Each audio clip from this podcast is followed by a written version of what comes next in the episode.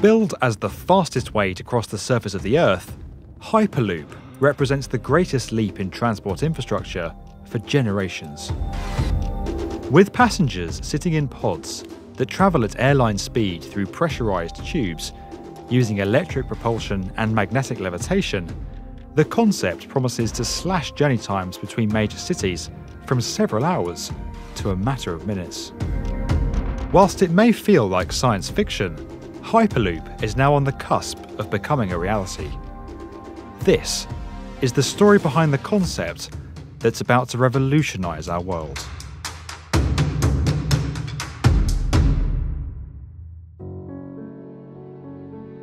Hyperloop was first conceived in 2012 by Tesla and SpaceX founder Elon Musk. In a white paper released the following year, Musk set out his vision for a futuristic, super high speed transportation system that would see passenger pods move through a partial vacuum in steel tubes, addressing the two key factors that slow down conventional vehicles friction and air resistance.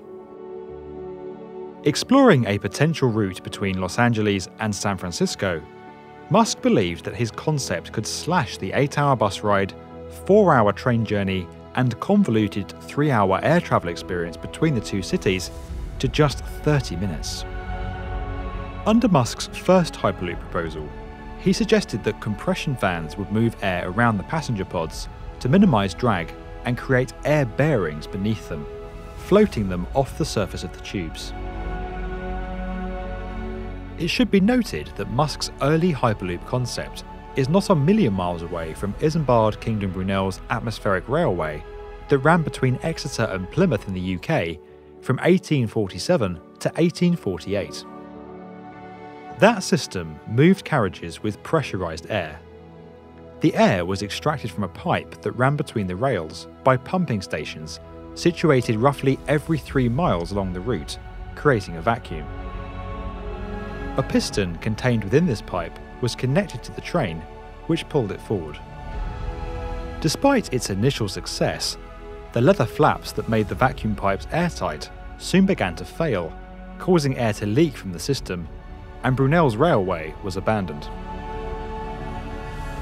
With an estimated price tag close to 6 billion US dollars, Musk's first Hyperloop concept never came to fruition. But the impressive idea and potential to link cities in such a direct way sparked intense interest. From inception, Musk had always stated that the concept of Hyperloop would be open source, and he actively encouraged others to come together and develop the necessary technology independently from his involvement. This led to the formation of several startups and student teams developing various aspects of Hyperloop technology with varying degrees of success. Now, several fully fledged companies are making significant strides to bring Hyperloop systems into reality. Hyperloop Transportation Technologies, or HTT, are making aggressive advancements and recently constructed a full scale test track in France. But the clear leaders of the pack in the current standings are Virgin Hyperloop One.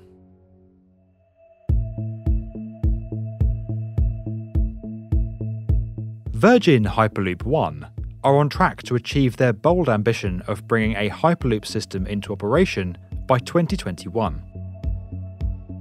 Originally formed in 2014 as Hyperloop One, the company was rebranded following a significant investment from Sir Richard Branson in 2017. Deviating slightly from Musk's original plan, Virgin Hyperloop One's technology combines two basic principles. The first is magnetic levitation, or maglev, a technology already used in monorails to lift the passenger pods and move them along their rails. Magnetic levitation uses two sets of magnets, one to repel the train from the track and lift it upwards, and the other to move the floating train along the track at considerable speed with reduced friction. The second principle is the use of a low pressure, vacuum sealed environment for the passenger pods to travel through. By removing most of the air from the tubes and having no contact with the ground, the pods face little to no resistance as they move. Air pressures inside the tube, are equivalent to flying 200,000 feet above sea level. Such an environment enables the pods to reach speeds of over 760 miles per hour using very little energy. By virtue of being in a tube, the system is protected from the weather and can operate in almost any climatic conditions. Virgin Hyperloop One's system is controlled by advanced software that ensures acceleration and deceleration occur gradually, going relatively unnoticed by those travelling inside. Having built a 500 metre track in the Nevada desert, Virgin Hyperloop One have carried out several tests, focusing on individual aspects of the system, and a complete full scale systems test in May 2017. The propulsion, braking, levitation, and vacuum systems are all performing well, and the team have achieved a top speed of over 240 miles per hour to date.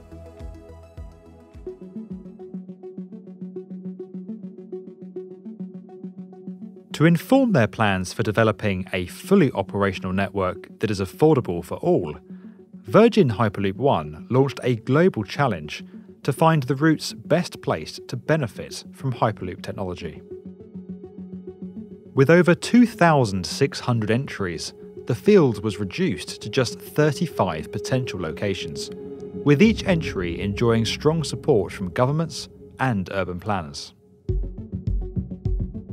With 10 winners across five countries, Virgin Hyperloop One are now working in partnership with each of the locations on how best to deliver the Hyperloop technologies in live networks. In February 2018, the firm unveiled their first prototype passenger pods for the Dubai to Abu Dhabi route, a network that would drastically slash the car travel time between the two cities from two hours to just 12 minutes. The advantages of Hyperloop are considerable. Like train stations, Hyperloop stations, called portals, are planned to be located within inner city areas with easy links to existing transport infrastructure. This gives Hyperloop systems a distinct advantage over air travel, where airports tend to be located beyond city limits with fewer accessibility options. Additionally, the system is being developed to function on a turn up and go principle, without a lengthy check in process, and with accelerated, advanced security checks. Another clear benefit is its speed. If Hyperloop could significantly reduce the travel time between cities, it could be possible to live in a completely different city or part of the country from where you work, with a commute no dissimilar in length to the one you perhaps take today.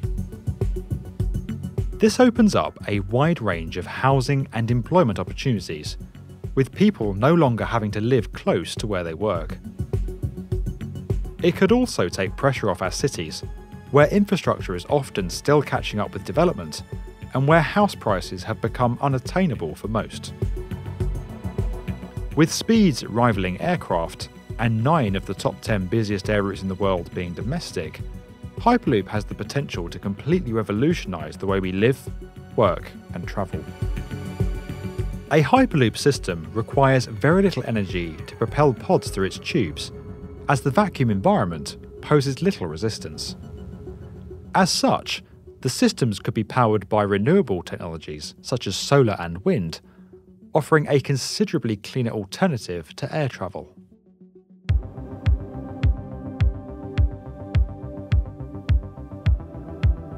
When you consider the prospect of people being propelled in tubes across the Earth's surface at near supersonic speeds, there are a number of questions that instinctively jump to mind. Perhaps the first is the impact of a potential break or breach in one of the tubes, possibly as the result of an earthquake or external impact. Virgin Hyperloop One explained that they have addressed this by constructing thick steel tubes that are extremely difficult to puncture or break. Additionally, the tubes are engineered to withstand changes in pressure and air leaks while maintaining their structural integrity. Theoretically, a sudden influx of air into one of the tubes would simply slow the pods down due to the increased air resistance. The pods could then be directed to the next portal via an auxiliary power boost. There is also the ability to section off parts of the route and to repressurize sections where significant emergencies occur, and all pods are expected to be fitted with emergency exits. Externally, Hyperloop systems will largely travel on elevated, seismically designed pylons that are able to move and flex independently of one another, minimizing damage in the event of a major ground shift. Sensors along the route would instantly report issues to the system's control center.